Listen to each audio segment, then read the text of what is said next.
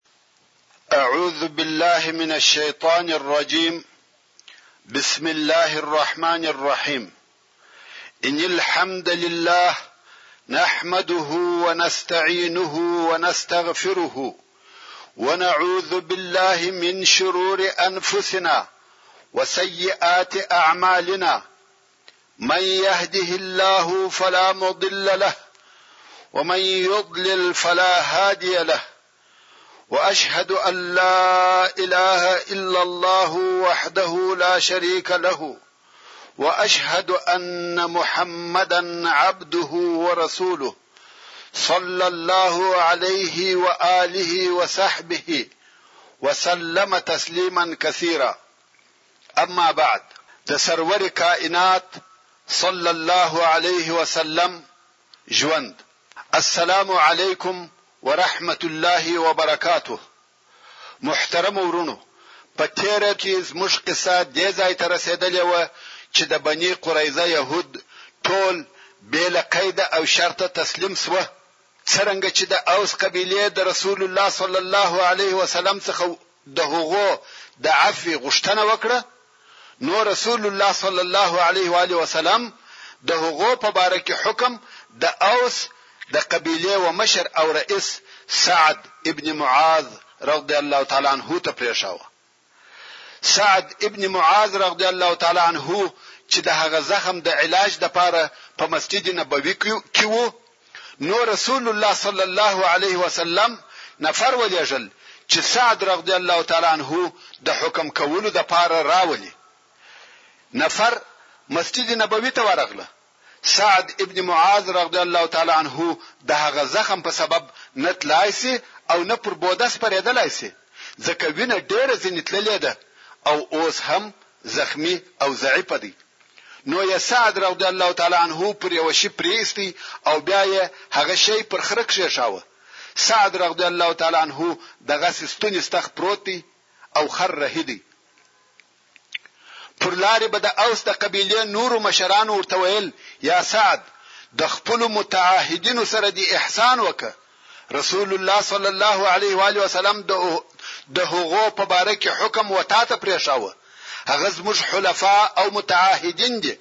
سپارښت یې پر کاوه سعد رضی الله تعالی عنه چپ دی هیڅ نه وایي خو دغه مشرانو دغه خبره ډیره او په تکرار سره ورته کول په آخر کې سعد رضی الله تعالی عنه وویل، پر سعد داسې وخت راغلی چې د الله جل جلاله په لار کې د چا د ملامتۍ پروا نه کوي، یعنې په دغه حکم کې به زه د الله جل جلاله مراعت کوم، که بل څوک ملامتي راباندې وایي په هغه زما پروا نه کېږي. ځینې کسان چې د سعد رضی الله تعالی عنه د دغه خبرې په مقصد پوه سوه نو خپل قوم ته ولاړه او ویل به چې د بني قریظه یهود ختم سوه ټول وژل کیږي اوس نو سعد رضی الله تعالی عنه د بني قریظه و قلاو ته ورسېدی رسول الله صلی الله علیه وسلم د خپل اصحاب سره ناست دی خلق سره راټول دي او يهود هلته د خلقو څخه لرې تړلي دي د خلقو خبرې نه اوري اوس چې سعد رضی الله تعالی عنه د رسول الله صلی الله علیه و علیه وسلم و منطقه ته نږدې سو رسول الله صلی الله علیه وسلم ولاړ سو او اصحاب کرامو ته و فرمایل قوموا الى سيدكم یعنی و خپل مشر او سردار ته مو ولاړ شئ. ټول خلق د سعد ابن معاذ رضی الله تعالی عنه د عزت لپاره ولاړ شوه. یهودو هم د سعد رضی الله تعالی عنه دغه لوی قدر او عزت ولیدی. اوس نو ټول خلق د سعد رضی الله تعالی عنه د حکم په انتظار کې دي. رسول الله صلی الله علیه وسلم بیا ورته وویل یا سعد د بنی قریظه په باره کې می حکم تا ته درکړی دی د دوی په باره کې چې څنګه ستا خوښه وي هغه حکم وکه سعد رضی الله تعالی عنہ وویل زما حکم پر دوی یعنی يهودو چلیږي خلقو ویل، هو! سعد رضی الله تعالی عنه د اوس و مشرانو ته وکتل او ویل، زما حکم پر اوس چلیږي؟ چې په خپله د سعد رضی الله تعالی عنه قبیله او د یهودو حلفاء او متعاهدین دي. د اوس مشرانو ویل، هو! ستا په حکم راضي یو یا سعد! بیا یې د خزرج و مشرانو ته وکتل ویل، زما حکم پر خزرج چلیږي؟ هغو وویل، هو، ستا په حکم راضي یو یا سعد؟ بیا یې د مهاجرو مسلمانانو و طرف ته وکتل او ویل، زما حکم پر مسلمانانو چلیږي؟ ټول زما په حکم راضي یاست؟ هغو وویل، هو، ستا په حکم راضي یو یا سعد؟ بیا یې د رسول الله صلی الله علیه و آله وسلم و طرف ته کتل او ویل، هغه څوک چې هلته ناست دي زما حکم پر چلیږي؟ دا یې د رسول الله صلی الله علیه وسلم سره ادب وو، داسې یې ونه ویل چې زما حکم پر رسول الله صلی الله علیه وسلم چلیږي، د ادب په سبب یې وویل حکم مې پر هغه چا چلیږي چې هلته ناست دي. رسول الله صلی الله علیه و آله وسلم وفرمایل هو یا سعد نو ویل زه د بنی قریظه پر یهودو حکم کوم چې نر دې ټول ووژل سي ښځې او کوچنیان دې بندیان واخیستل شي او مالونه دې تقسیم شي رسول الله صلی الله علیه وسلم په لوړ آواز وویل الله اکبر تا پر دوی د الله په حکم حکم وکي هغه الله چې تر او اسمانو لوړ دی ورونو د سعد ابن معاذ رضی الله تعالی عنہ حکم د عدل او انصاف په آخري درجه کې وو د بني قریظه یهودو یوازې دا نه چې هغه لوی غدر او خیانت یې کړی و، پر هغه سربېره یې د مسلمانانو د نېست او نابود کولو لپاره یو زر پنځه سوه تورې، دوه زره نېزې، درې سوه زغرې، پنځه سوه سپره سره یو ځای کړي وه، چې مسلمانانو ته پس له هغه څخه په لاس ورغله چې د دوی قلاوې یې فتحه کړې. خیر! سعد رضی الله تعالی عنه خپل حکم وکړي يهود د لري د لري ورته ګوري مګر خبر نه دي چې څه پېښه ده او زموږ په باره کې څه فیصله وسوه بیا نو رسول الله صلی الله علیه وسلم امر وکړي چې يهود دي د بنت الحارث په کور کې چې د بنی نجار څخه یو شزه و بندیان سي او د دوی د پاره دي د مدینه منورې په بازار کې خندقونه وکیندل سي د خندقو تر کیندلو وروسته یې امر وکړ چې لس نفره یهود راولئ. لس نفره راوستل شوه او د هغو غاړې ووهل شوې. پاته یهود په هغه کور کې بندیان دي، نه پوهیږي چې د هغه لسو نفرو سره څه وشوه. بیا یې نور لس نفره راوسته، دا هم حلال کړه شوه او یهود نه دي خبر چې څه ورسره کیږي. هلته په پاته یهودو کې یوه وویل، دغه اوس په موږ څه کوي؟ کعب ابن اسد هغه د یهودو مشر ورته ورته وکتل او ویل، والله ما ستاسې په مثل بې عقلان نه دي لیدلي، آیا ته نه وینې چې لس نفره بیايي او بیا نه راځي؟ په والله دغه حلالېدل دي. او واقعا اووه سوه نفره یهود په یوه ورځ ووژل شوه. په دغه طریقه سره هغه د غدر او خیانت ښاماران ووژل شوه.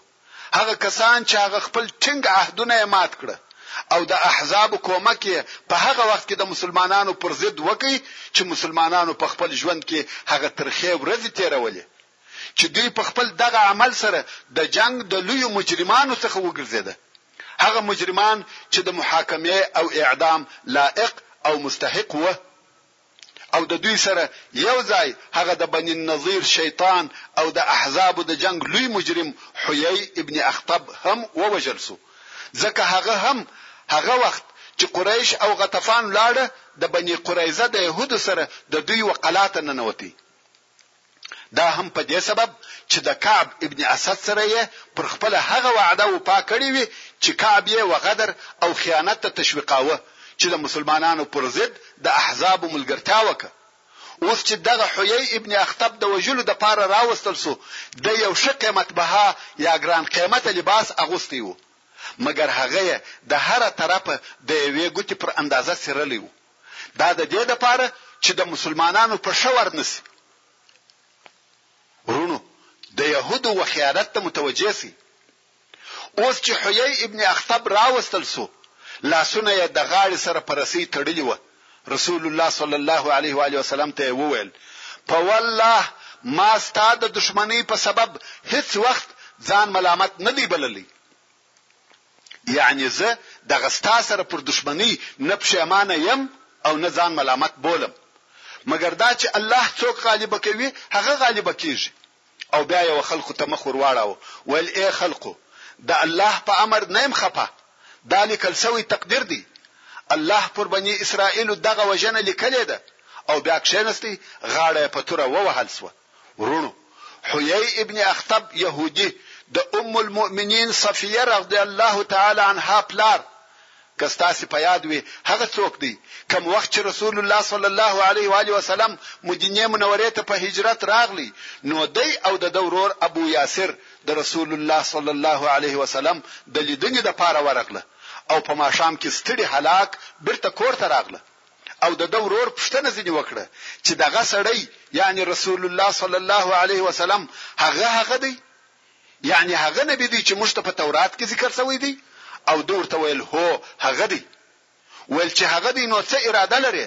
د ویل تر کومه وخت چې ژوندی يم دښمنی به کوم نو خود د د رسول الله صلی الله علیه و علیه وسلم پر دشمنی نه پښیمانه وو او نه ځان ملامتاوه او د هجرت په پنځم کال کي په دغه طريقه سره ووژل سو او د يهودو د ښځو څخه يوه ښځه ووژل سوه او دا هغه څوک وه چي پر خلاد ابن سويد رضي الله تعالی عنه يې د قلا څخه د مېچني پل راوغورځاوه او هغه يې شهيد کړ نو دا د هغه په قصاص کي ووژل سوه. رسول الله صلی الله علیه وسلم امر وکړي ویل د يهودو په نرانو کې کده چا ورېښتان راشنه سوي و یعنی بلوغ ته رسیدلی وو هغه وژني هغه ووژني او کده چا ورېښتان نه وراشنه سوي یعنی کوچنی وو هغه موجني د یهودو څخه یو نفر چې نوم یې زبیر ابن طابا و او د یهودو د مشرانو څخه و، کوم وخت چې د حلالېدو لپاره راوستل شو، د انصارو د مسلمانانو څخه یوه نفر چې ثابت ابن قیس نومېدی ولید، نو رسول الله صلی الله علیه و آله وسلم ته یې وویل،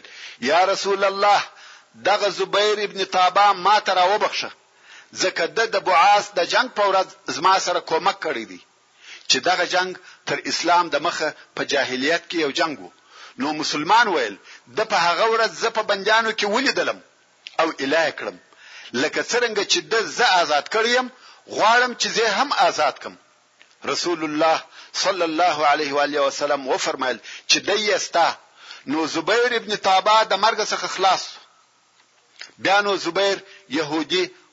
و هغه انصاري ته وویل، زه خو دې خلاص کړم، مګر ښځه، اولاد او مال به مې ځي؟ انصاري بیا و رسول الله صلی الله علیه وسلم ته ورغلی، ویل، یا رسول الله! د ده ښځه، اولاد او مال څنګه کېږي؟ رسول الله صلی الله علیه وسلم وفرمایل، هغه یې هم ستا په اختیار. ټول شیان یې ور وبخښل. زبیر ابن طابه خوشاله شو او بیا یې پوښتنه وکړه، چې د کعب ابن اسد سره څه کیږي کعب ابن اسد د بني قریظه د يهودو مشر وو ویل هغه وجل کیږي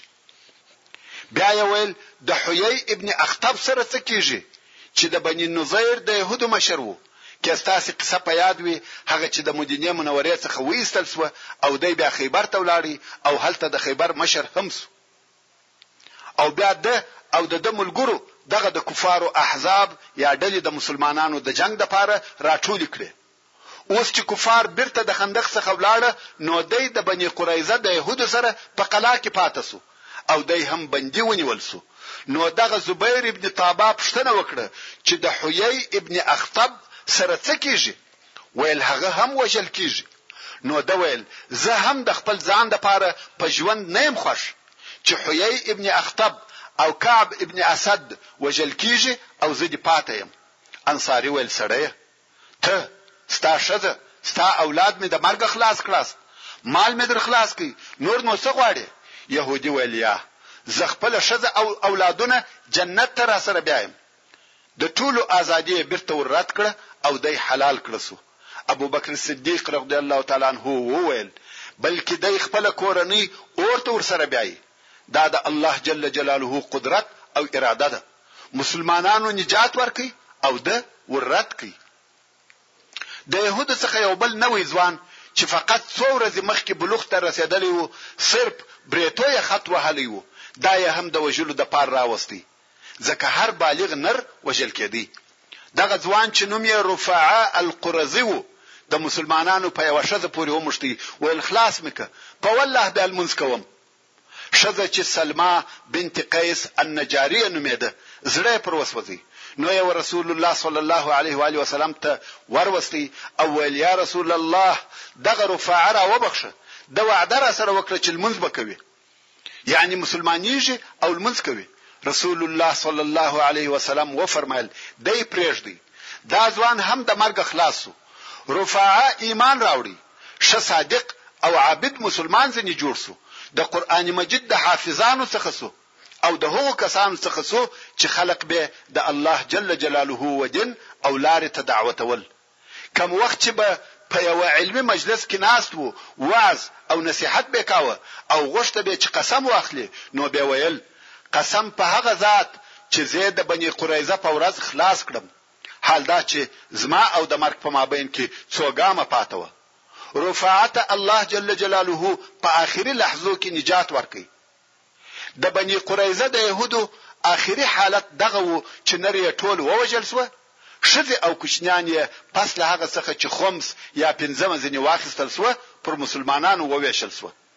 د آس و خاوند ته درې حصې ورکول شوې چې یوه یې د ده او دوې يې د آس وې او پياده سړي ته يوه حصه ورکول شوه او د خمس مينځياني د سعد ابن زيد الانصاري رضي الله تعالی عنه تر مشرۍ لاندي و نجد ته ولېږل شوې چي په بدل کي يې آسان او اسلحه رانيول شوه په منځیانو کې د رسول الله صلی الله علیه و آله وسلم حصه ریحانه بنت عمرو ابن خناقه وه. دا چې ریحانه رسول الله صلی الله علیه و آله وسلم په نکاح کړه او کده او کده د صلی الله علیه و آله وسلم سره دغه سي منځه پاته و په دې کې اختلاف دی څوک وایي دغه سي منځه ور سره پاته و او څوک وایي چې دا یې آزاد کړه او په نکاح یې کړه خو زه به دلته د رویحانې د اسلام قصه درته رانقل کړم. رویحانه چې د بني قریظه په مینځیانو کې د رسول الله صلی الله علیه وآله وسلم حصه وه، رسول الله صلی الله علیه وسلم دا و اسلام ته دعوت کړه، دې انکار وکړ، اسلام یې نه کړ قبول، رسول الله صلی الله علیه وسلم بیا ورته وویل که اسلام قبول کې آزاده به دې کړم او په نکاح به دې کړم. هم به آزاده او هم به زما په نکاح شې په دې شرط چې اسلام قبول کړې مګر ریحانه پر خپل دین ټینګه وه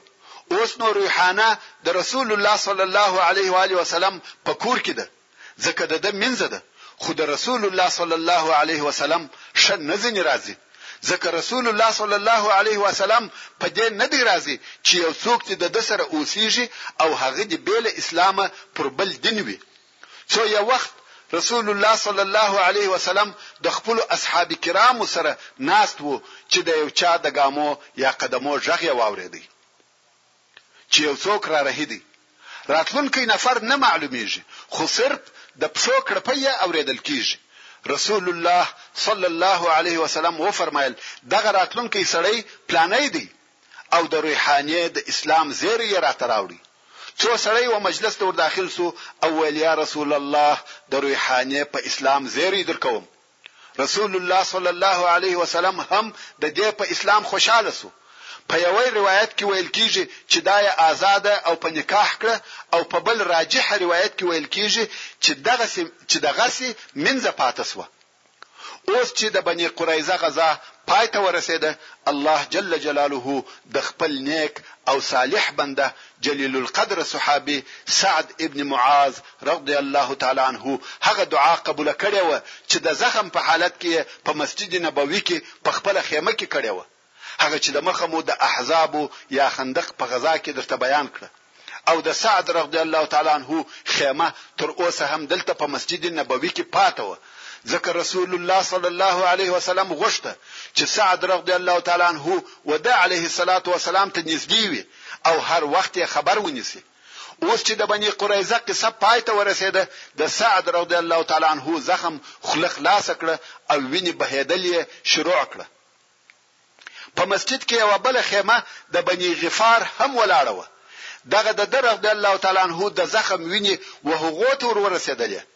هغو نارې کړې چې ای د خیمې خلقو! دغه څه شي دي چې ستاسې د طرفه څخه موږ ته راځي؟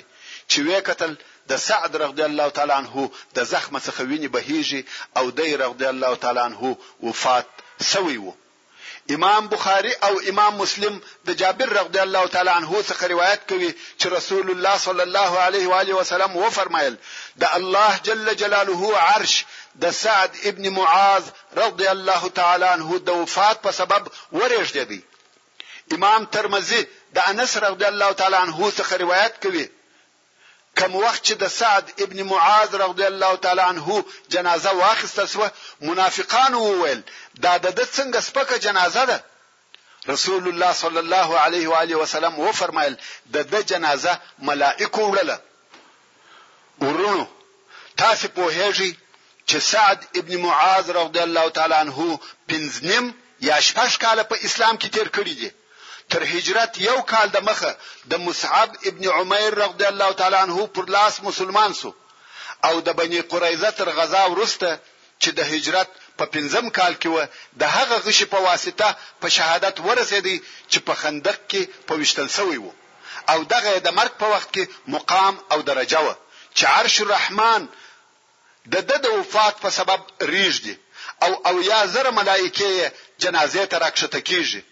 او دا چې تر مرګ وروسته په فردوس اعلی کې کم نعمتونه ورکول کیږي حور او غلمان د ده خدمت کوي هغه خبرې تر قیاس لوړې دي دا ولی یو انسان په شپږو کلو کې دغه درجه ته رسیږي د روژو د نیولو شمېر یې هم لږ وو، د لمنځو د ادا کولو شمېر یې هم لږ وو، حجونه او عمرې یې هم نه وه کړي، ولې و دغه مقام ته ورسېدی؟ دا ځکه چې دی رضی الله تعالی عنه د الله جل جلاله او رسول الله صلی الله علیه وسلم سره صادق وو، د هغو په محبت کې صادق وو، د ده په وینه کې د الله او رسول الله محبت پروت وو، نن ورځ موږ او تاسې هم په صدق او اخلاص، په محبت او وفا دغه مقام ته رسېدلی شو. د بني قریظه د قلاوو په محاصره کې د مسلمانانو یو سړی ووژل شو چې هغه خلاد ابن سوید رضی الله تعالی عنه وو. هغه چې د یهودو یوې ښځې د میچنې پل پر راوغورځاوه او په دغه موده کې دالته د مسلمانانو یو بل سړی چې ابو سنان ابن محسن رضی الله تعالی عنه و په الهي مرګ سره وفات شو مګر ابو لبابه چې د مسجد په یوه پایه یا عمود پورې تړلی و شپږ ورځې هلته هلته تړلی پاتې شو د هر لمانځه پر وخت بې ښځه ورته راتله د لمانځه د پاره بې خلاصاوه پس له لمانځه څخه بې بیرته تړی او بیا د ده د توبې قبلیده د الله جل جلاله د طرفه د سهار په وخت کې پر رسول الله صلی الله علیه وسلم نازل شوه په دغه وخت کې رسول الله صلی الله علیه وسلم د ام سلمه رضی الله عنها په کور کې وو ابو لبابه رضی الله تعالی عنه وايي، ام سلمه رضی الله تعالی عنها د خپلې حجرې په دروازه کې ودرېده او ما ته یې راږغ کړه، یا ابا لبابه! زېری درکوم! الله دې توبه قبوله کړه. په دغه وخت کې خلق ور وغورځېده چې خلاص یې کړي، مګر ابو لبابه رضی الله تعالی عنه خلق منع کړه چې هیڅوک به مې نه خلاصوي بې له رسول الله صلی الله علیه وسلم څخه، او بیا چې رسول الله صلی الله علیه وسلم د سهار ولمانځه ته راووتی ابو لبابه رضی الله تعالی عنه یې خلاص کړ دغه د بنی قریظه غزا د هجرت د پنځم کال د ذوالقعده په میاشت کې پیښه شوه او 25 ورځې یې دوام وکړ الله جل جلاله د خندق او د بنی قریظه د غزاو په باره کې په سوره الاحزاب کې ډېر آیاتونه نازل کړه چې په هغه آیاتو کې د دغو واقعاتو پر مهمو نقطو تبصره کېږي، د مؤمنانو او منافقانو حالات بیانوي او بیا د احزابو د ذلیله کېدو حالات بیانوي او د اهل کتاب یعنې یهودو د غدر او خیانت نتیجې بیانوي. د سلام ابن ابي الحقيق يهودي وژل. سلام ابن ابي الحقيق چې په ابو رافع سره مشهور وو د هغه يهودو د لويو مجرمانو څخه وو چې د مسلمانانو پر ضد يې احزاب سره یو ځای کړه په مال او اسلحه سره یې د احزاب ډیر کومک وکړي او رسول الله صلی الله علیه و علیه وسلم یې همیشه ازاراوه اوس چې مسلمانان د بني قریظه د یهودو څخه فارغ شوه نو د خزرج د قبیلې مسلمانانو د رسول الله صلی الله علیه وسلم څخه د دغه ابو رافع د وژلو اجازه وغوښته لکه څرنګه چې د مخه مو درته وویل چې کعب ابن الاشرف یهودي د اوس د قبیلې د مسلمانانو د طرفه ووژل شو اوس د خزرج قبیله هم غواړي چې داسې یو فضیلت او افتخار ځان ته حاصل کړي لکه د اوس قبیلې چې د کعب ابن الاشرف په وژلو لاس ته راوړی وو نو ځکه یې د رسول الله صلی الله علیه وسلم څخه د سلام ابن ابي الحقیق د وژلو اجازه وغوښته رسول الله صلی الله علیه و سلم هم د هغه د وژلو اجازه ورکړه او د دغه کار د عملي کولو په لار کې یې د ښځو او کوچنیانو د وژلو څخه منع کړه اوس نو دغه کوچنی ټولی چې شمیر یې پنځه نفره او مشر یې عبد الله ابن عتیق رضی الله تعالی عنه ټوله د خزرج د قبیله د بنی سلمه څخه و د خپل مقصد پر طرف رهي شوه. دا ټولي د مدينې منورې څخه ووتل او د خيبر پر طرف رهي شوه. ځکه د ابو رافع قلعه او هستوګنه هلته وه. اوس چې د ابو رافع و قلعه ته ور نږدې شوه، لمر لوېدلی و. خلک خپلو کورو او ځايو ته تللي وه. عبدالله و خپلو ملګرو ته وويل، تاسې دلې کښېنئ، زه ورځم او د دروازه وان سره خوږه معامله کوم، شايد و قلعه ته ننوځم. د قلا د دروازې یوه طرف ته ورنږدې شو او هلته یې کالي پر داسې ډول سره راټول کړه او پورته کړه لکه یو څوک چې د قضای حاجت لپاره کښیني. داسې وخت دی چې د قلا خلق خپلو کورو ته ننوتلي دي، نو دروازوان پر نارې کړه، یا عبدالله! که غواړې چې ننوځې، ننوځه، زه غواړم چې دروازه بنده کړم. د دروازوان دا خیال سو چي دی هم د قلا د اوسېدونکو څخه دی او عبدالله یې په دې سبب نه ورته وویل چي د ده نوم ورمعلوم وو بلکي عبدالله یعني د الله بنده دا په عربو کي عادت دی چي د چا نوم یې نه وي زده د عبدالله په نامه سره ورته وایي نو دروازوان ورته وویل ای د الله بنده که غواړې چي ننوځې ننوځه زه غواړم چي دروازه وتړم عبدالله ابن عتیق رضی الله تعالی عنه وایي، زه هم قلا ته ننوتم او هلته پټ شوم.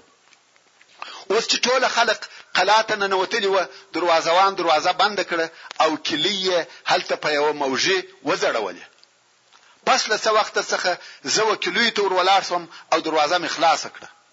ابو رافع د خپلو اشنایانو یا انډیوالانو سره په یوه لوړه کوټه یا بالاخانه کې ناست و او مجلس یې کاوه، نو زه په انتظار ورته کښېنستم. کوم وخت چې د ده د شپې د مجلس انډیوالان لاړه، نو زه و هغه بالاخانې ته ور وختم. هره دروازه چې به مې خلاصول، هغه به مې زما د طرفه په ځان پسې تړل. دا د دې لپاره چې ما ویل که قوم په ما خبر هم شي، خو تر هغو به په ما پسې نه را رسېږي چې زه دی وژنم. څو و هغه کوټې ته ورغلم چې دی هلته و. په کوټه کې تکه توره تاریکه ده او دی د خپلې کورنۍ په مابین کې دی. زه نه پوهېږم چې دی د کوټې په کوم ځای کې دی. نو مې ږغ کړه، ابا رافع! ده ویل، څوک یې؟ ما د غږ پر تره پر الا کړه او په توره مې واری پر وکړ. ده یوه لو چغه وکړه او زه د کوټې څخه را ووتم. هلته ګوښه ورته ودرېدم. نه پوهېږم چې وژلی به مې وي که یا. دوهم وار بیا و هغې کوټې ته ورننوتم او دا وار لکه د ده غمخور چې یم. ما ویل، یا ابا رافع! دا د څه شي اواز و؟ ده ویل، ستا مور ته دې ویل وي، په کور کې یو سړی دی، زه یې په توره ووهلم. وایې زه پوه شوم چې کاري مې نه دی وهلی. او نه مې دی وژلی، نو ورغلم، د تورې څوکه مې د ده پر نس کښېښوول، څو د ده تر شا مې وایستل، اوس مې نو یقین شو چې و مې وژي، نو مې یوه یوه دروازه خلاصول او راوتلم، څو و زینو ته ورسېدم، په زینو کې کښته کېږم،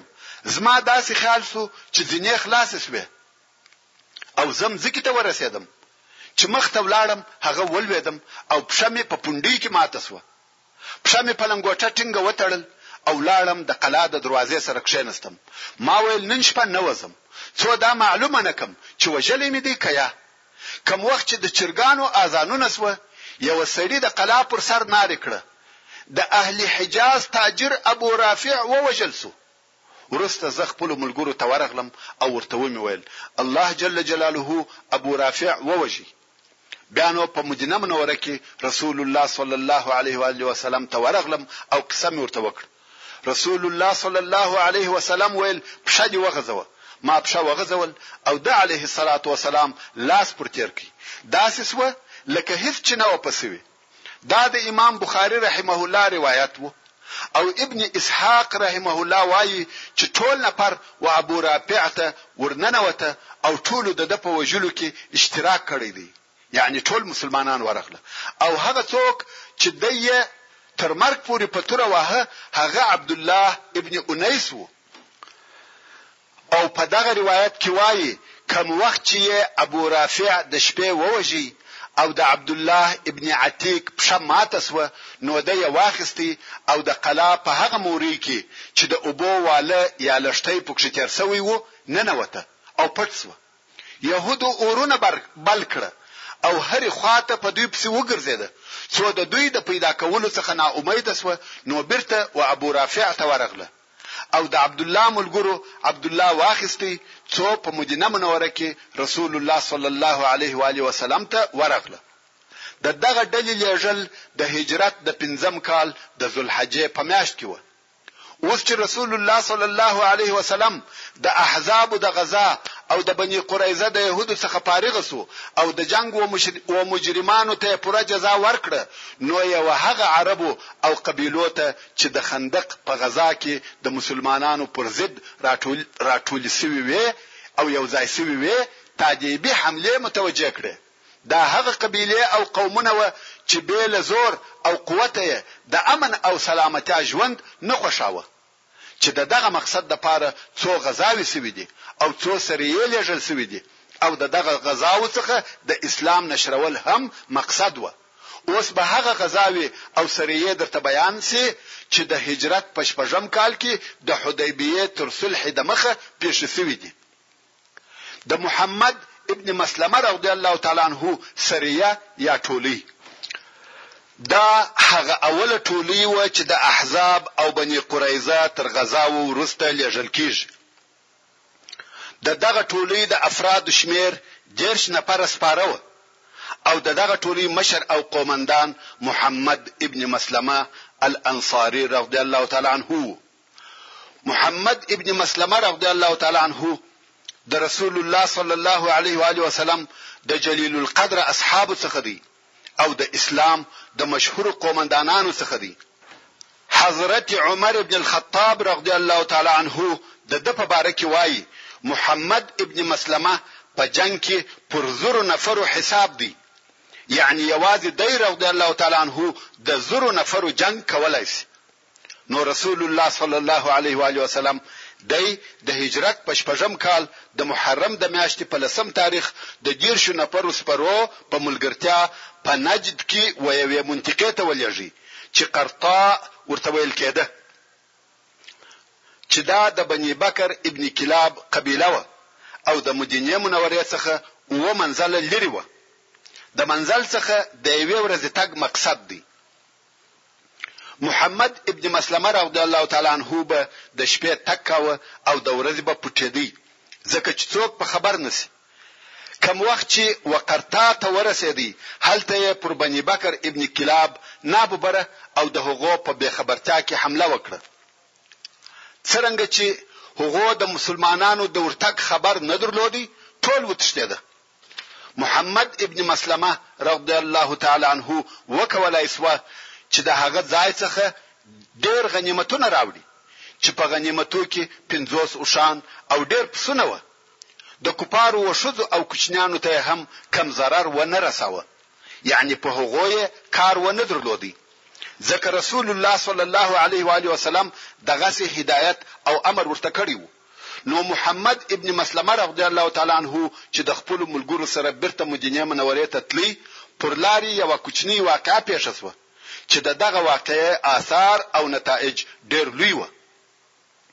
هغه دا چې محمد ابن مسلمه رضی الله تعالی عنه او د ده ملګرو پر لار یې یو سړی ولیدی چې بیده و،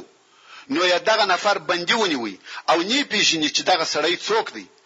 دا سړی د یمامې د بنو حنیفه د قبیلې د مشرانو څخه یو ډېر لوی مشر وو او دی عمرې ته تلی او د مسیلمة الکذاب په امر او مشوره سره یې دا نیت هم کړی وو چې پس له عمرې څخه به مدینې منورې ته ځم او هلته به په یوه طریقه سره رسول الله صلی الله علیه وآله وسلم وژنم نو محمد ابن مسلمه رضی الله تعالی عنه دغه سړی بندي کوي او نی پیژني چې دغه نفر څوک دی کوم وخت چې محمد ابن مسلمه رضی الله تعالی عنه د خپل ډلې سره مدینه منورې ته ورسېدی رسول الله صلی الله علیه و علیه وسلم د دغه حمله په کامیاب کېدلو سره خوشاله سو او دوی د هغه بندي خبر ورته ووایه کوم وخت چې رسول الله صلی الله علیه وسلم هغه بندي ولیدي وې پیژندي ویل آیا تاسې خبر یاست چې تاسې څوک بندي کړی دی؟ دوی ویل یا والله یا رسول الله رسول الله صلی الله علیه وسلم و فرمایل دا ثمامه ابن اسال دی د بنو حنیفه د مشرانو څخه یو مشر دی او رسول الله صلی الله علیه وسلم امر وکړي چې ثمامه دي د مسجد د دروازې سره وتړل سي او د دغه بندي سره ښه معامله او گزاره کوي اوس نو د مسجد دروازه د ده بندیخانه شوه او صحابه کرامو به سهار او ماښام شیدې ورته راوړې، ځکه رسول الله صلی الله علیه وسلم د ده سره په ښه معامله امر کړی و او په خپله رسول الله صلی الله علیه وسلم به هره ورځ د ده د حال پوښتنه کول او خبرې به ورسره کولې. پوښتنه به یې ځنې کول، یا ثمامه! څه حال دې دی؟ ثمامه به ویل، یا محمد! صلی الله علیه وسلم، زما سره خیر دی، که مې ووژنې داسې څوک وژنې چې هغه د وینې د بدل اخیستونکي لري، یعنې که ته ما ووژنې د بنو حنیفه قبیله زما بدل اخلي، چې دغه قبیلې یو لک جنګي نفر درلود، سل زره نفر. یعنی بې بدلې نه پاته کېږم او که عفو راته وکې داسې چا ته عفو کوې چې هغه شاکر دی یعنی احسان دې نه هېروم او که مال او پیسې غواړې څونه چې دې خوښه وي هغونه وغواړه یعنی د دغه درو کارو څخه چې دې هر یو زما دپاره خوښ وي هغه وکړه. رسول الله صلی الله علیه وسلم به جواب نور کاوه ځنی رهی بسو او دی د مسجد په دروازه کې تړلی وو دوهم ورځ بیا رسول الله صلی الله علیه وسلم ورته راغلی خبري ورسره کوي او بیا یې هغه پښتنه پښتنه ځنی وکړه چې یا سمامه څه حال دی سمامه بیا هم هغه په خوانی جواب پر هغه طریقه ورکړي رسول الله صلی الله علیه وسلم قصدا دغه ثمامه د مسجد د دروازې سره تړلی وو ځکه اصحاب کرام به لیده چې تله او راتله د هغو اخلاق او یو د بل سره احترام یې لیدی قران کریم به اوریدی دغه درې ورځې چې دلته د مسجد د دروازې سره بندي وو او د مسلمانانو ښه ژوند یې لیدی د هغو د اخلاقو تر تاثیر لاندې سو اسلام او مسلمانان یې ډیر خوښ سو درېمه ورځ بیا رسول الله صلی الله علیه وسلم ورته راغلی او بیا یې هغه پوښتنه ځنې وکړه سمامه بیا هغه جواب ورته وایه ویل کمې ووی کمې ووجنې د بدل خاوند وجنې کمال غواړې څونه چې د خوښه وي وی غواړه کمې معاف کې یو شاکر ته عفو کوي رسول الله صلی الله علیه وسلم و فرمایل بلکې عفو درته کوم سمامه ابن سمامه ابن اسال معاف او الکی سمامه چې د رسول الله صلی الله علیه وسلم د اخلاق او ادب تر تاثیر لاندې راغلی وو د مسلمانانو اخلاق او گزاره لیدلی وو قران مجید یې اوریدلی وو اسلام یې پزړه نه نوتلی وو سمامه هغه نږدې او بوته ورغلی غسل یې وکي او بیا رسول الله صلی الله علیه وسلم تراغلی او مسلمان سو او ویل یا رسول الله د مځکې پر مخ مې بل څوک دونه بد نه ایسېدی لکه ته خو اوس ستا مخ تر ټولو مخانو ماته خوښ وګرځېدی او په والله د مځکې پر مخ مې د هیڅ دینه څخه دونه بد نه راتله لکه ستا د دین څخه او اوس ستا دین تر ټولو ادیانو ماته خوښ وګرځېدی. او د هیڅ ښار څخه مې دونه بد نه راتله لکه ستا د ښار څخه او اوس داسې ښار نشته چې ستا تر ښار مې دي خوښ وي مګر کم وخت چې زه ستا اصحاب ونیولم هغه وخت ما د عمرې نیت کړی وو رسول الله صلی الله علیه و علیه وسلم و فرمایل هغه خپل عمره دې پوره که او عمرې ته ولاړ شه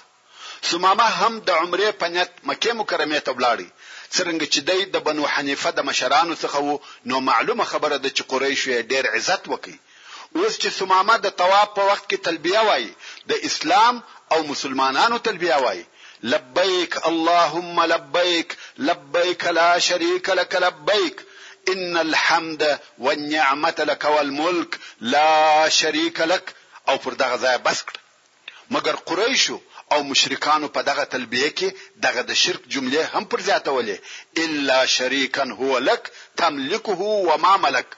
اوس چي ثمامه د اسلام او مسلمانانو تلبيه وويل، قريش په تعجب کي سوه او ورته ويل يې، يا ثمامه اصبعت، آيا د دين اوښتی يې؟ ده ويل، يا، بلکي د محمد صلی الله عليه وسلم سره مسلمان سوی يم. قریشو ویل، موږ دې بندي کوو؟ د بنو حنیفه د مشرانو څخه یو مشر څنګه مسلمانیږي؟ دا د قریشو دپاره لوی خطر وو، ځکه د بنو حنیفه قبیله ډېره لو قبیله ده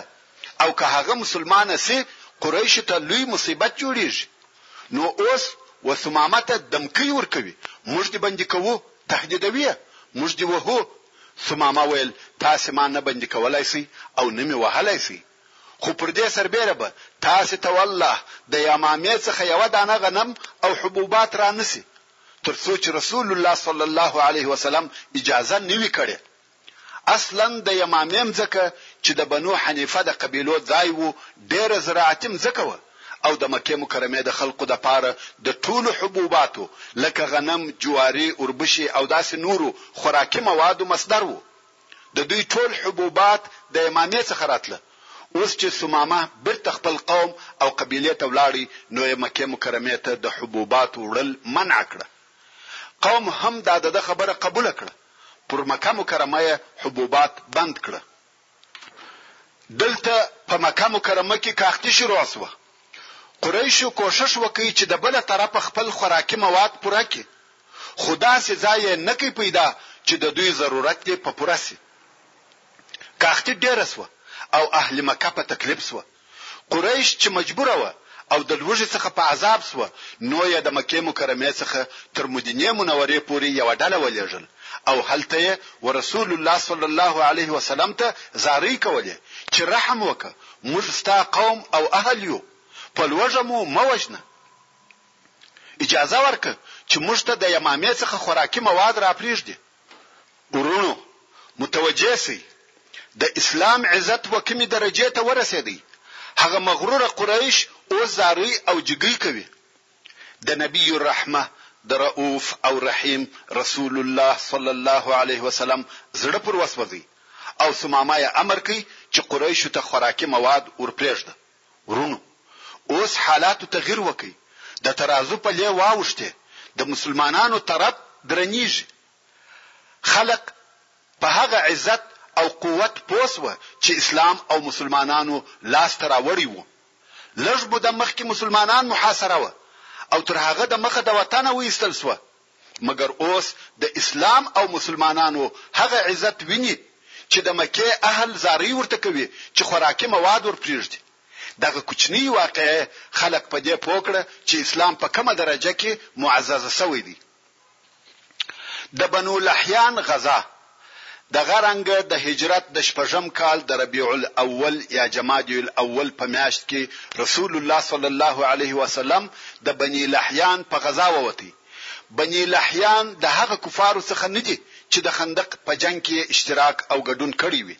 بلکي بنو لحيان هغه څوک دي چي د ماء رجيع په فاجعه کي يې لاس درلودی او د رسول الله صلی الله عليه وسلم د لسو نفرو اصحابو سره يې غدر او خيانت وکړ او د هغو د وژل کېدو سبب وګرځېده.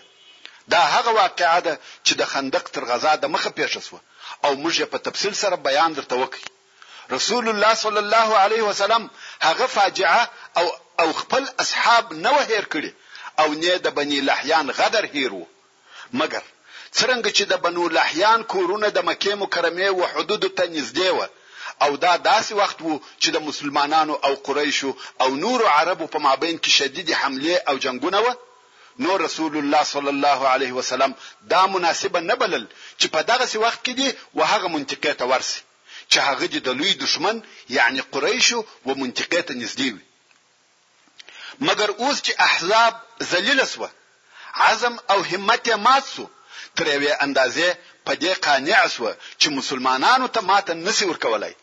نو رسول الله صلی الله علیه وسلم دا مناسبه ولیده چې اوس د دې وخت راغلی دی چې د بني لحیان څخه د خپلو وژل شوو اصحابو بدله او انتقام واخلي.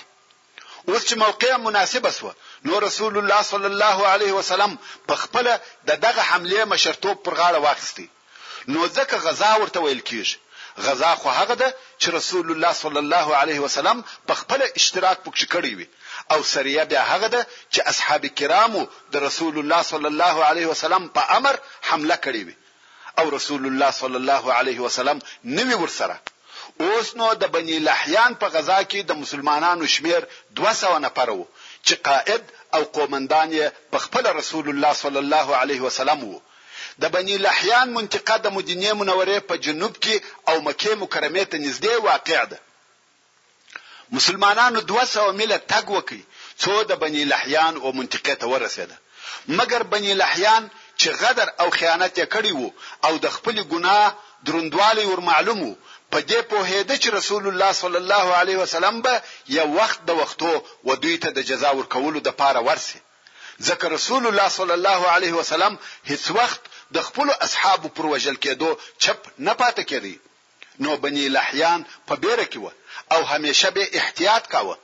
که څه هم رسول الله صلی الله عليه وسلم چې د مدينې منورې څخه راوتی په عوض د دې چې د جنوب او بني لحيان پر طرف رهي شي د شمال او شام پر طرف رهي شو او شل ميله د شام پر طرف ولاړی، ترڅو چې خلکو دا فکر وکړي چې رسول الله صلی الله علیه وسلم د شام د حملې اراده لري او اخبار هم داسې نشر شو چې رسول الله صلی الله علیه وسلم د شمال د حملې اراده لري ورسته بیرته د جنوب و طرف ته وګرځیدي څو اول د غران و شیلې ته ورسېدي غران یو شیله ده چې د عصفان او امج په مابین کې ده محترم ورونو پاته کسبه ان شاء الله تعالی پراتلون کې کې واوري وما توفيقي الا بالله وهو السميع العليم وصلى الله تعالى على خير خلقه محمد واله واصحابه واهل بيته اجمعين والسلام عليكم ورحمه الله وبركاته سبحان ربك رب العزه عما يصفون